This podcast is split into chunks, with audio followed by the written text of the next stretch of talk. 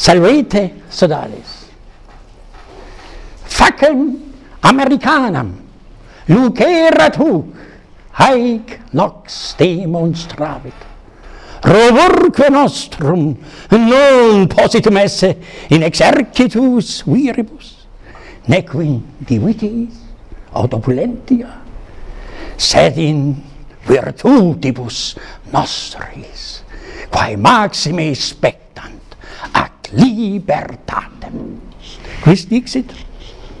Non sunt mea verba, sed ea quae hodie Barack Obama.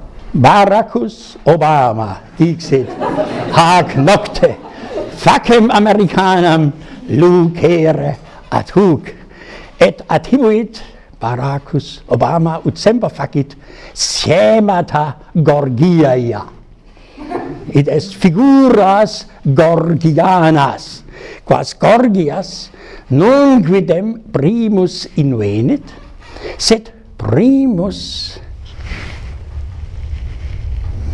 saepissime ad hibuit omnes orationes suas his figuris ex ornavit quare Gorgias maxime contribuisse putator ad artem oratoriam augendam. Nam ei oratores siveretores, qui antea in Sicilia fuerunt, et ministis Gorgiam quoque siculum origine fuisse, ei igitor fuerunt maxime strenui in inventione et in dispositione. Restabat audam tertia pars artis oratoriae, id est elocutio.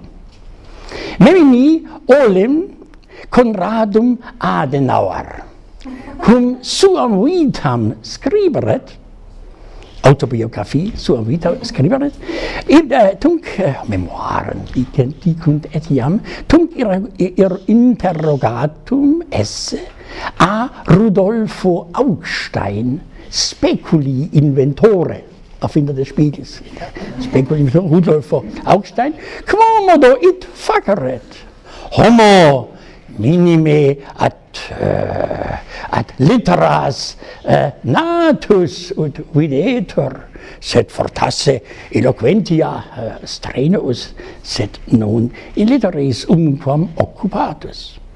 Cui respondit Conradus ad enabo O rudolfe hoc facile negotiums nam ego si procedo ut in scola a magistris meis didici primum ea colligo et quasi invenio quae scribere velim de inde hang congeriem sive faraginem per partes suas dispono disposition tertium autem est ea omnia ex ornare verbis. Vidis vidis tis si Conradus Adenauer tres partes artis oratoriae numeravit, quarum primus inventio, secunda dispositio, tertia elocutio. Et ego quoque interdum uh, interdum sequi solio sed saepius scribo quid cumque in bucam velit.